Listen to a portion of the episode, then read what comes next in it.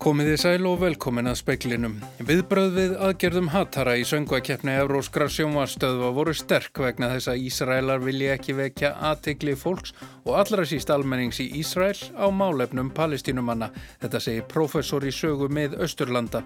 Engareknir fjölmiðlar verða eldir með fjárstyrkjum sangvænt nýju frumvarpi á alþingi. Fækka verður um 7000 manns hjá Fordbíla smiðjunum bandarísko á næstu vikum.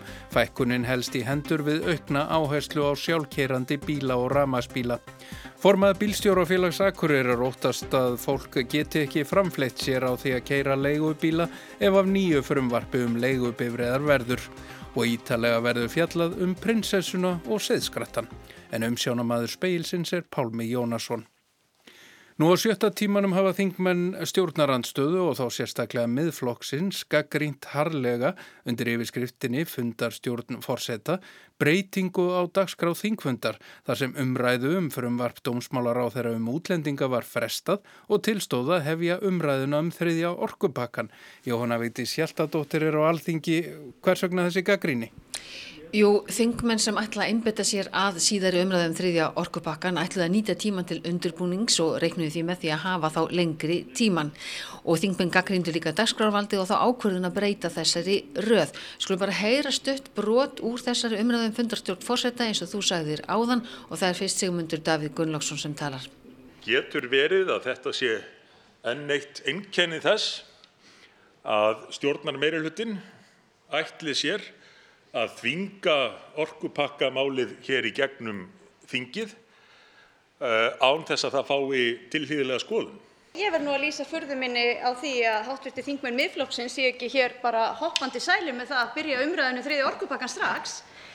Næstur á mælendaskrá held ég að sé hátvirti þingmændur Sigmundur Davík Gunnlaugsson sem er þá að fara í svona fymtur ræðu.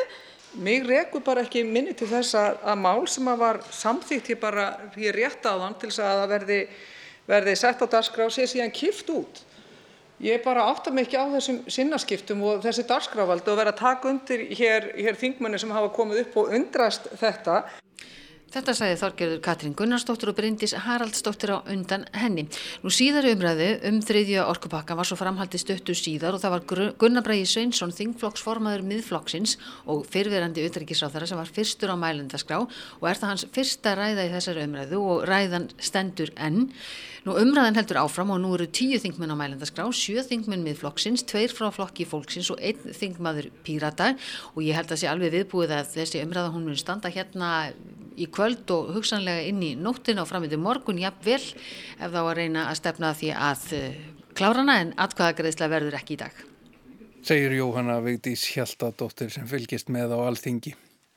Lili Alfredsdóttir, menta og menningamálar á þeirra, leggur fram nýtt frumvarpum breytingu á fjölmiðlalögum á þingi í dag. Markmiðið er að ebla hlutverk og rekstrarstöðu engareikina fjölmiðla með fjárstyrkjum. Í nýja frumarpinu er talað um tvíþættan stuðning við fjölmila, annars vegar stuðning í formi endurgriðslu á alltaf 25% af tilteknum hluta reitstjórnarkostnaði en þó að hámarki 50 miljónu króna á fjölmili. Hins vegar stuðning sem nemi alltaf 5,15% af launum starfsfólks á reitstjórn og falla undir lægra skattrepp tekjuskattstofna.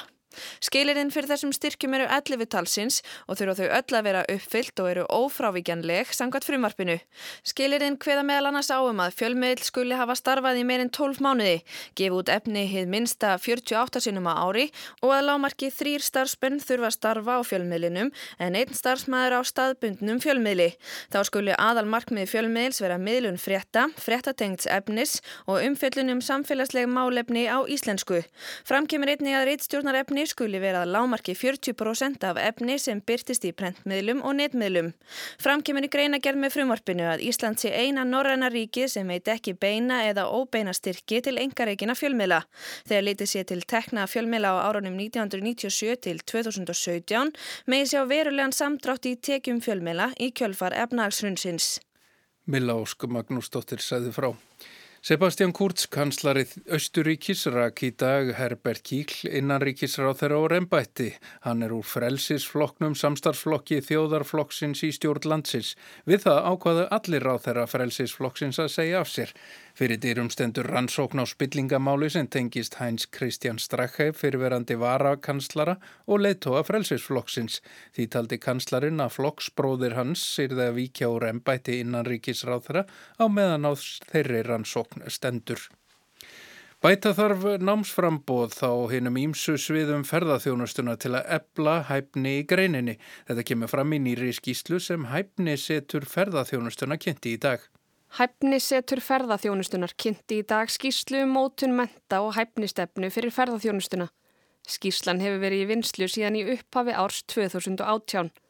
Haukur Harðarsson, verkefnastjóri hæfni seturs ferðarþjónustunar, segir ferðamenn gera kröfur til þjónustunar sem þurfa að mæta með aukinni hæfni. Þetta snýst náttúrulega skýrsla snýst um að sína fram á þarfir ferðarþjónustunar sem atvinnugreinar og það þarf að auka uppbyggingu á hagnýtu starfsnámi í greininni sem hefur skýra tengingu í vinnustæðin og fari fram að hluta til í skóla og að hluta til á vinnustæð. Haukur segir að jafnframt skipti máli að skólastígin tali betur saman og að nám nýtist betur þeirra á milli. Næstu skrif verði því að tryggja betri samfellu í námi og bæta námsframboð fyrir þau svið ferðarþjónustu þar sem þörfin sé mest. Til dæmis tengt gistingu. Ferðamálar á þeirra segir að huga þurfið að næstu skrifum en fagni því að vinnan sé komin þetta langt. Þetta er auðvitað ótrúlega merkileg vinna. Þetta er mikið samtal og samráð á milli atvinnulífs og, og hérna, stjórnvalda og, og annara sem aðeins koma. Uh, mér finnst þetta sína svona þróskamerki uh, atvinnugreinarinnar og, og hún er auðvitað að vaksa inn í framtíðina þrátt fyrir þessi áskoranir eins og saki standa. Sagði Þórdís Kolbrún Reykjörg Gilvadóttir hefa Björk Benediktsdóttir talaði við hana. Loftlags stefna ríkistjórnarinnar er í stöðuri endurskoðun vegna þess að staðan breytist hratt og stemt er að kólefnis hlutlausu Íslandi árið 2040. Þetta sagði Katrín Jakobsdóttir forsættisráð þeirra á alþingi í dag og hún laði ríka áherslu á að atvinnulífið er það að koma með þessa vegferða fullum krafti. Ford bílasmiðunar bandarísku ekki að skera niður um 7000 störf á heimsvísu og næstunni. Stemt er að því að uppsagna hreina verði um gardgengin í ágúst næstkomandi að þeir framkemur í tilkynningu sem fyrirtæki sendi frá sér í dag. Aukin áhersla verður lögð á framleiðslu ramagsbíla og þróun sjálfkerandi bíla. Marisa Bradley, talsmaður Ford, segir að alls missi um 800 starfsmenn vinnuna í Norður Ameríku, þar af 500 þessari viku. Fyrir á þessu ári var greint frá því að í Þískalandi ætlaði fyrirtækið að fækka um 5.000 störf. Niðurskurður er einnig bóðaður í Brasilíu og Rúslandi og tilstendur að loka verksmiðu í Bordeaux í Fraklandi. Með þessari fækkun starfsfólks stefnir fyrirtækið að því að spara er ekstri um 600 miljónir dólar á ári. Í lok síðasta árs unnu 199.000 manns hjá Ford. Þeim hafði fækkað um 3.000 frá árslokum 2017. Fækkunin helst í hendur við að fjárfest verður í framleiðslu rámagsbíla og tækni til að þróa sjálfkerandi bíla. Í brefi til starfsmanna segir Jim Hackett, forstjóri Ford, að til þess að fyrirtæki standist samkeppni til framtíðar sé nöðsynlegt að skera niður, draga á skrifuræði og auka völd framkvamdastjóra til þess að hægt sé að taka mikilvægar ákvarðanir með fljótvirkari hætti en hingað til. Áskir Tómasson sæði frá. Formaður bílstjórafélags Akureyrar óttast að leigubílastöðin BSO Akureyri leggist af ef af nýju frumvarpu um leigubifræðar verður. Bílstjórar leigubifræða á Akureyri hafa miklar ágjör af frumvarpi til nýra laga um leigubifræðar. Í frumvarpinu er lagt til að takmörkunarsvæði og fjöldatakmarkanir atvinnuleifa verði afnumin og aksturgefin laus. Gilvi Ásmundsson er formaður bílstjórafélags Akureyrar. Menn get ekki framflitt sér og þessu starfi. Það eru 22 leifi hérna á Akureyri og og það er ekkert ómikið að gera. Hvernig heldur sé það annað eins og selfósi, það sem er takkmörgum líka.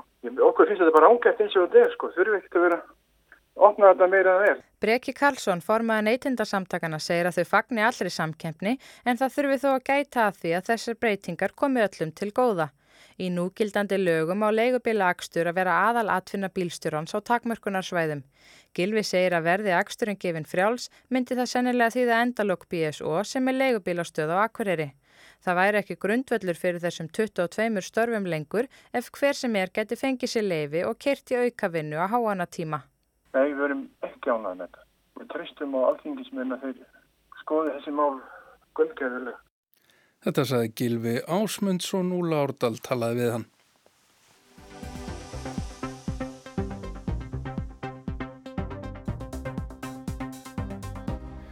Magnús Þorkell Bernhardsson, professor í sögu mið Östurlanda, segir að við bröðvið aðgerðum hatara í Ísræl hafi verið sterk vegna þess að Ísræla vilja ekki vekja aðtegli fólks, sérstaklega ekki Ísrælsk almennings á málefnum Palestínu.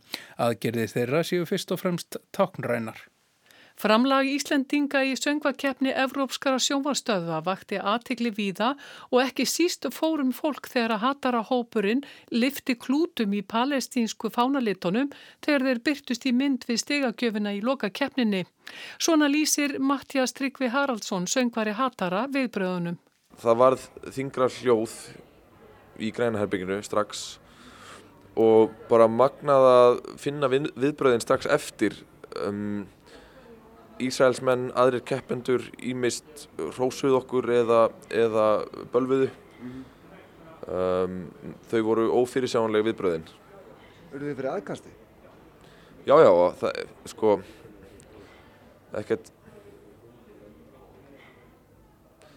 einhverjir rópuð að okkur bæði lofi og, og lasti sko. Mm. Það var alveg rafmagnað og polariserað og, og bara blanda ekki að. Sagði Mattias Tryggvi í viðtali við Björn Malmqvist fréttamann. Magnús Þorkell segir að viðbröðin við því að lifta klútunum með palestíska fánanum hafi ekki komið á óvart. Í Ísrael er náttúrulega er þetta mjög vikfamstaða og Ísraelar, sérstaklega þegar aðtegli heimsins er á þeim, þá viljaður um mitt eru mjög, mjög mikla ágjur af því að það sé vera veikja aðtegli fólks á þessum álefnum og þess vegna held ég voru alltaf að býða eftir því að, að, að listamennir aðri myndi vekja máls á þessu meðan á þessar keppnistóð og þess vegna þegar þetta kom að þessu þá kannski bregðast þau svona við og þið kannski, kannski byggust þau við enn frekari stærri aðgeðum heldur en raun bar veikni. Magnús segir að ekki sé bannað að sína palestínska fánan í Ísrael. Fánin sé þó ákveðin augrun við Ísraela því fyrir þeim er hann takn óvinnarins. Auk þess viljið þeir ekki minna almenna ísraelska borgara á þennan veruleika, sérstaklega ekki í Tel Aviv. Og þess vegna er eins og er takmarkaður uh, aðgangur að vestubakkunum á Gaza. Þar, ef þú vilt ferast þar um, þá, þá er til dæla erfitt að komast inn og út og þá, ertu spuru spurningar og, og þeir eru búin að byggja upp þennan stóra múr og þeir sem búa á vestubakkunum í byggðunum þar, Ísraelar, að þeir eru með sína sérstakka vegi þannig að þau þurfi ekki að horfast í augu við veruleikan, raunveruleikan sem þar er og raun og verið þeir einu Ísrael sem þurfa að hafa eitthvað með eh, palestunum enn að gera og, og Vestubakkon og Gaza eru þá hermennir sem eru á þannig að þetta er, þetta, er, þetta er ekki lengur hluti af daglugu lífi eins og var kannski fyrir 15-20 árun síðan.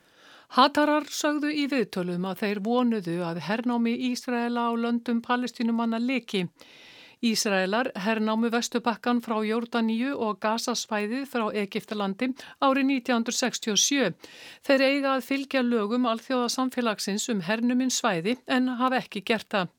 Frá 1967 hafa allar friðarviðræður snúist um tvö ríki, Ísrael og stopnun sjálfstæðrar Palestínu á Gaza og Vestubakkanum. Það hefur ekki gengið og hafa Ísraelar þvert á móti reist nýja landmabigðir á herrteknu svæðunum. Eh, eru búin að taka yfir landsvæði, vassból sérstaklega og búin að byggja upp uh, varanlega mannvirki sem má ekki undir alþjóðlögum ef, ef við skiljum þetta sem, sem, sem hernám. Þannig að það að tala um að hernáminni líkur, þá er það alltaf er að tala um það að palestuminn fái sjálfstæði, fái sjálfstætt ríki, hafi stjórn á eigin landi og, og, og Ísraelar eigi ekki neitt meiri rétt á að vera þar frekar en, en Íslandingar. Örgisráð saminu þjóðana hefur álygtað gegn þessari hegðun Ísraela en þeir hafa ekki farið eftir þeim álygtunum. Þeir líta svo á að það sem þeir eru að gera sé nöysilegt fyrir öryggi Ísraela. Ástandið á vesturbakkanum og Gaza er mjög slæmt og hefur ekki batnað á liðnum 20 árum. Næstlífi sérstaklega í Gaza er, er hörmungar ástand, það, það er, kemst nánast ekkert inn eða út úr, úr Gaza nema Ísraeli stjórnir því. Í Vesturbakkunum er aðeins skarra atvinnulíf og aðeins betra efnas ástand en, en það er til dæmis mjög erfitt fyrir venilega palestimann að ferðast, eh, hvort um sé að ræða innan Palestínu eða til útlanda. Þegar að gýðingar lístu yfir stopnun Ísraels ríkis í mæ 1948 voru um 700.000 palestínumenn raktir frá heimilum sínum fluttir nauðungar flutningum. Þeir og afkomendur þeirra eru flótamenn enn þann dag í dag í Ísrael eða í öðrum ríkjum Araba. Mannréttindi eru brotin á Vestubakkanum og Gaza daglega. Oft þegar að mannréttindabrótur framinn setur alþjóðasamfélagið á viðskiptabann eða bregst við á einhvern nátt. Það hefur ekki verið gert vegna ástandsins í Palestínu. Ísraelar eru í miklum viðskiptum við Evrópusambandið. Það er smá saman hefur verið aukast að fólk er að sniðganga Ísrael og Ísraelskar vörur og Ísraelar hafi mjög miklar ágjör af því að hvað áhrif það menn hafa eins og það er nokkri norskir bankar og hollenskir lífurissjóður og fleiri sem hafa verið að fjárfest ekki í, í, í, Ísrael eða, eða taka við fjárfestingum þaðan. Ímsir uh, listamenn hafa líka snið gengið Ísrael og, og Ísraelska vörur. Ísraelar velti nú fyrir sér hvort að borgi sig að tengjast Evrópu svona nánum böndum eins og raunin er vegna þessarar gaggríni. Í ríkjum Asju séu menn hins vegar ekki eins uppteknir af þessu máli og vesturlandabúar. Magnús segist ekki vita hvort aðgerðir hatara breyti stöðunni fyrir botni miðjararhafs. Ég held að þetta sé fyrst og fremst mjög tákgrænt og, uh, og ég veit ekki hvað, hvort, hvort, hvort, hvað, hvað aflengur þetta mun hafa ef, ef eitthvað. Þetta var Magnús Þorkjell Bernarsson, Bergljótt Baldurstóttir talaði við hann. Þessir krafist að Marta Lovisa Noregs prinsessa afsali sér titlinum og ekki í fyrsta sinn. Það hafa verið kærastar og álvaskóli. Nú er það nýji kærastinn og fyrirlestraferðin, prinsessan og seðskrattin. Nýji kærastinn er umdeldur en vinsæl meðal frægafólksins. Leikonan Gwyneth Paltrow er einn skjólstaðinga hans. Það er stórfrétt þegar prinsessa eignast nýjan kærasta en þegar kærastinn er særingamaður frá bandaríkunum þá fer allt á hliðina. Når en prinsesse får eh, ny kjæreste, så er det en stor eh, nyhet. Eh, når en prinsesse faller pladask for en amerikansk sjaman, ja, da eksploderer det. Marta Lovisa er frumburður norsku konungsjónana Haraldar og Sonju.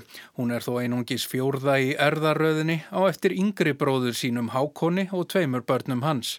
Stjórnarskráni var breytt árið 1990 þannig að elsta barnið er sjálfkrafa fremst í erðaröðinni, óháðkynni, en þá ekki við um Mörtur Lovísu. Breytingin er ekki afturvirk. Marta Lovísa er reynda líka í erðaröð til bresku krúnunar sem afkomandi játvarð sjöunda en það er önnur saga. Marta Lovísa hefur alla tíð verið umdelt og þá er vægt til orða tekið. Hún er lærður sjúkraþjálfari en hefur helgað sig tónlist, þjóðfræði og þjóðsögum.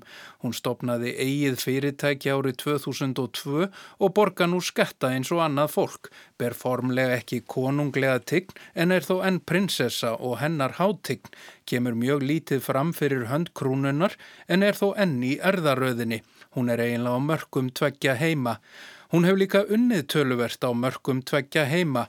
Hún hefur sagst geta átt samskipti við dýr og engla og opnaði Astarte skólan, nefndan í höfuðið á henni æfa fornu giðju Astarte. Þá strax var þess krafist að hún afsalaði sér tillinum. Englaskólin hefur vakið mikið umtal og deilur, ekki síst þegar fyrirlessarar sögðust vera í samskiptum við hennar framliðnu. Skólin sendi á endanum frá sér yfirlýsingu um að skólin ætti engum samskiptum við hennar dauðu.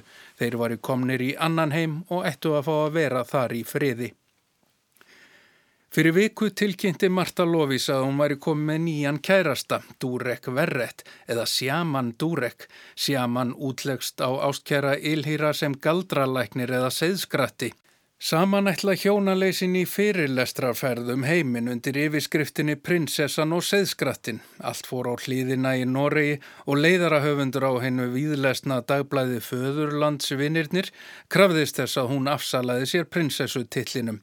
Vissulega megi prinsessur eiga þann kærasta sem hún kýs sjálf en ófært sé að hún nýti prinsessutitillin til að græða í viðskiptum. Uh, that's not something I consider. I am part of that family and... Uh and it'll stay that way. I'm always part of that family. Do you get hurt by editorials like that?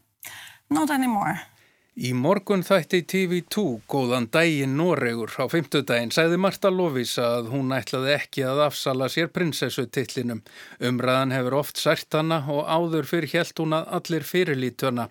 Nú sé henni þakka fyrir að standa með sjálfrið sér, það auðveldi öðru fólki að gera slíkt til sama. The first time this happened and I came out with my spiritual side and there was only criticism, I thought everybody hated me, you know, but suddenly I understood that they didn't like people saw through all that. Um, so i know that now. Mm. and i have people coming up on the streets thanking me for standing up for who i am because that makes them stand up for who they are Kenningar Durek Sverret eru umdeildar. Hann er þekktur sem sjaman Durek og heimasíðu hans er hann kynntur sem hugurlæknir eða græðari, andlegur leiðbeinandi og sjaman.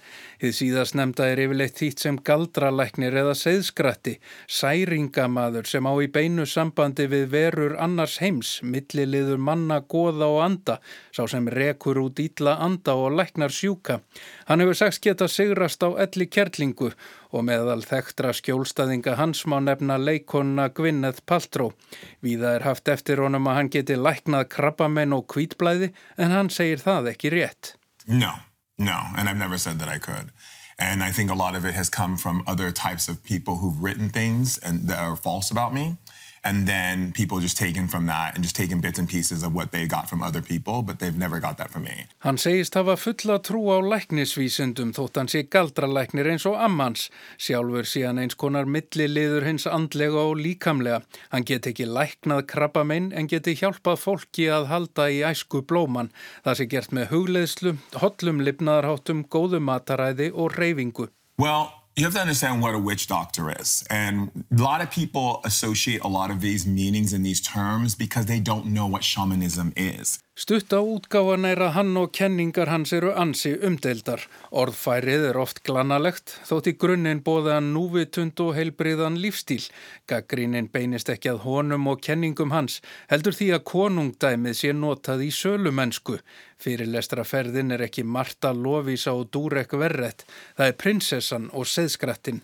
Þau vilja ekkert gefa upp um hvað konungssjónin hafa um málið að segja en hann segir að þau séu indisleg. Það hefur verið stórkoslegt að hitta konungssjónin. They're lovely, amazing, wonderful. Mm. Did they have questions for you? Um, it, I don't really gonna um, say what they talked about with me.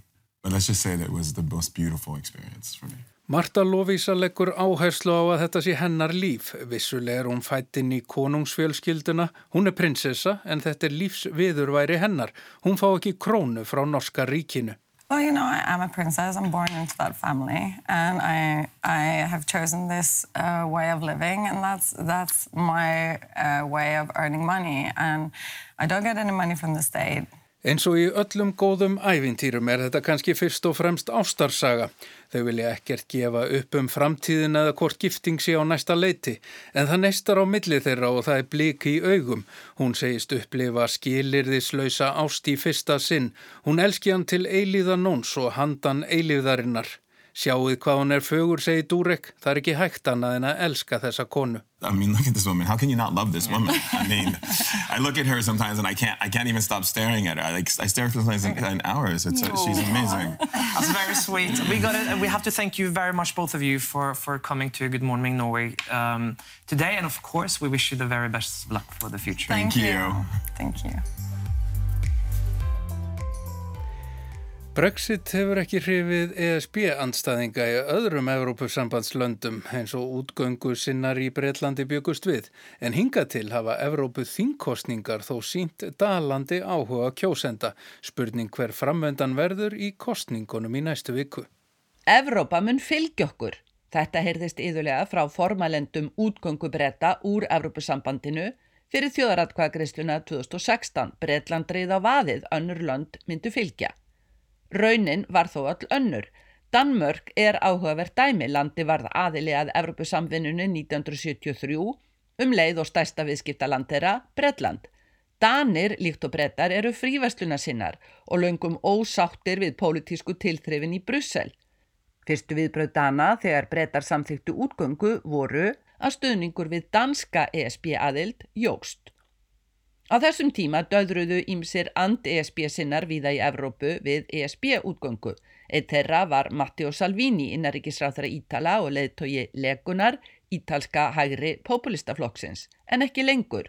Þó Salvini sé áfram ósáttur við innflytjandastefnu ESB og fleira, talar hann um að hafa áhrif í Brussel, ekki að Ítalir gangi úr ESB. Langskýrasta ástæðan fyrir dvínandi útgöngulöngun í ymsum ESB-löndum er þessi pólitíska ringulreið sem Brexit hefur skapað í Breitlandi. Það langar engan að kasta sér út í annan eins darraðar dans og breytar njóta almennt takmarkaðrar samúðar í hinum aðildarlöndunum. Brexit getur hins vegar verið huggun harmi gegn. Í nýlegum umræði þætti í ítalska sjónvarpinu sem tíðindamaður speilsins horfi á, deildu fulltrúar legunar og fimmstjórnum reyfingarnar hins stjórnaflokksins harkalega um meinta mútuþagni eins ráð þeirra legunar. Eitt þáttakandi nefndi að þó ástandið á Ítalju var ekki gott, væri það þó ekkert í líkingu við La Famosa Brexit, þetta fræga Brexit. Deilurnar dutt í dúna logg menn hjartalega sammalum að þó sannarlega væri ímislegt að á Ítalju væri það ekkert í samanburði við Brexit-bastlið. Brexit hefur því fremur orðið víti til varnaðar en dæmi til eftirbreytni og það var aldrei ætlun breskra Brexit sinna. Það breytir því þó ekki að nú þegar breytar jamt sem önnur ESB-lönd búa sig til Evropuþingkostninga er áhugin víða áberandi lítill. Evrópukostningaþáttakan í Breitlandi hefur almennt verið lítil endur speiklar afstöðuna til Evrópusamvinnunar og núna eru þetta kostningarnar sem brettar ætluð aldrei að halda áttu að vera gengnir úr ESB.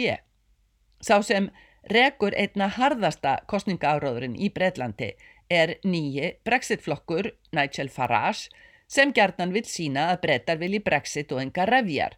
Farage stýrði áður UKIP-flokknum sem hann lendi svo upp á kant við. Flokkur Farage er á góðri leið með að þurka UKIP út. UKIP fjekk tæplega 30% af fylgi 2014 í síðustu Europafínkostningunum. Brexit-flokkurinn gæti nú vel náð því sama. Tiltrú kjósanda á Farage bytnar ítla á íhalsflokknum sem hefur ekki komið Brexit í gegn. ESB sinna kjósendur dreifast á nokkra flokka á verkamannaflokkin, frálslinda demokrata, græningja og nýja ESB sinna flokkin, Change UK. Lítil kostningaþáttaka hefur einkent Evropaþínkostningarnar jamt í Breitlandi sem í hinum ESB-löndunum og hefur farið minkandi. Þegar nýju lönd kusu 1979 var kostningaþáttakan um 62%, 28 lönd kusu 2014 þegar síðast var kosið, þáttakan þá 42%, hafði fallið um 20% steg frá 1979. Í löndum eins og norrænu ESB-löndunum hefur þáttakan í Evropþínkostningunum verið dræm síðasta beilinu 40 til 56% þó kostningaþáttaka í þessum löndum sé almennt betra en þetta. En það sem munar mestu um er hvað þáttakan í nýju aðildarlöndunum í Östur-Európu er lítil. Í síðustu kostningum kusu aðeins 13% kjósenda í Slovakíu, eina landið undir 20%. Í Pólandi hefur þáttakan verið milli 20 og 25%. Markslungnar skýringar, en svo helsta er fjarlæðin frá heimalöndunum á þing Evropasambandsins að umsvifin þar veki ekki aðtigli og fjölmiðlar í einstökum löndum fjalla því lítið um þingið. Það er talað um líðræðishalla af því Evropaþingið starf ekki hliðstætt þjóðþingum. En á móti kemur að það er engin áhugi í aðildarlöndunum á að draga úr áhrifum þjóðþingana. Í Breitlandi setur Brexit svip á komandi Európuþingkostningar. Í hinum ESB-löndunum 27 er helsta mennrenni augunum til La Famosa Brexit og það ekki af neittni aðdáðun. Sigrún Davíðsdóttir sæði frá. En í speiklinum var þetta helst. Viðbröð við aðgerðum hattara í söngvakeppni Euróskra sjómarstöðu voru sterk vegna þess að Ísraelar vilja ekki vekja aðtegli fólks og allra síst almennings í Ísrael á málefnum palestínumanna. Þetta segir professor í sögu mið Östurlanda. Engareiknir fjölmiðlar verða eldir með fjárstyrkjum sangkvæmt nýju frumvarfi á alþingi. Fækkað verður um 7000 mann sjá Ford bílasmiðjunum bandarísku á næstu vikum. Fækkunin helst í hendur við aukna áherslu á sjálfkerandi bíla og ramagsbíla. Formaði bílstjórafélags Akureyrar óttast að fólk geti ekki framfleitt sér á því að kera leigubíla ef af nýju frumvarfi um leigubifræðar verður. En það er ekki fleira í speiklinum. Tæknimaður var Ragnar Gunnarsson. Verðið sæl.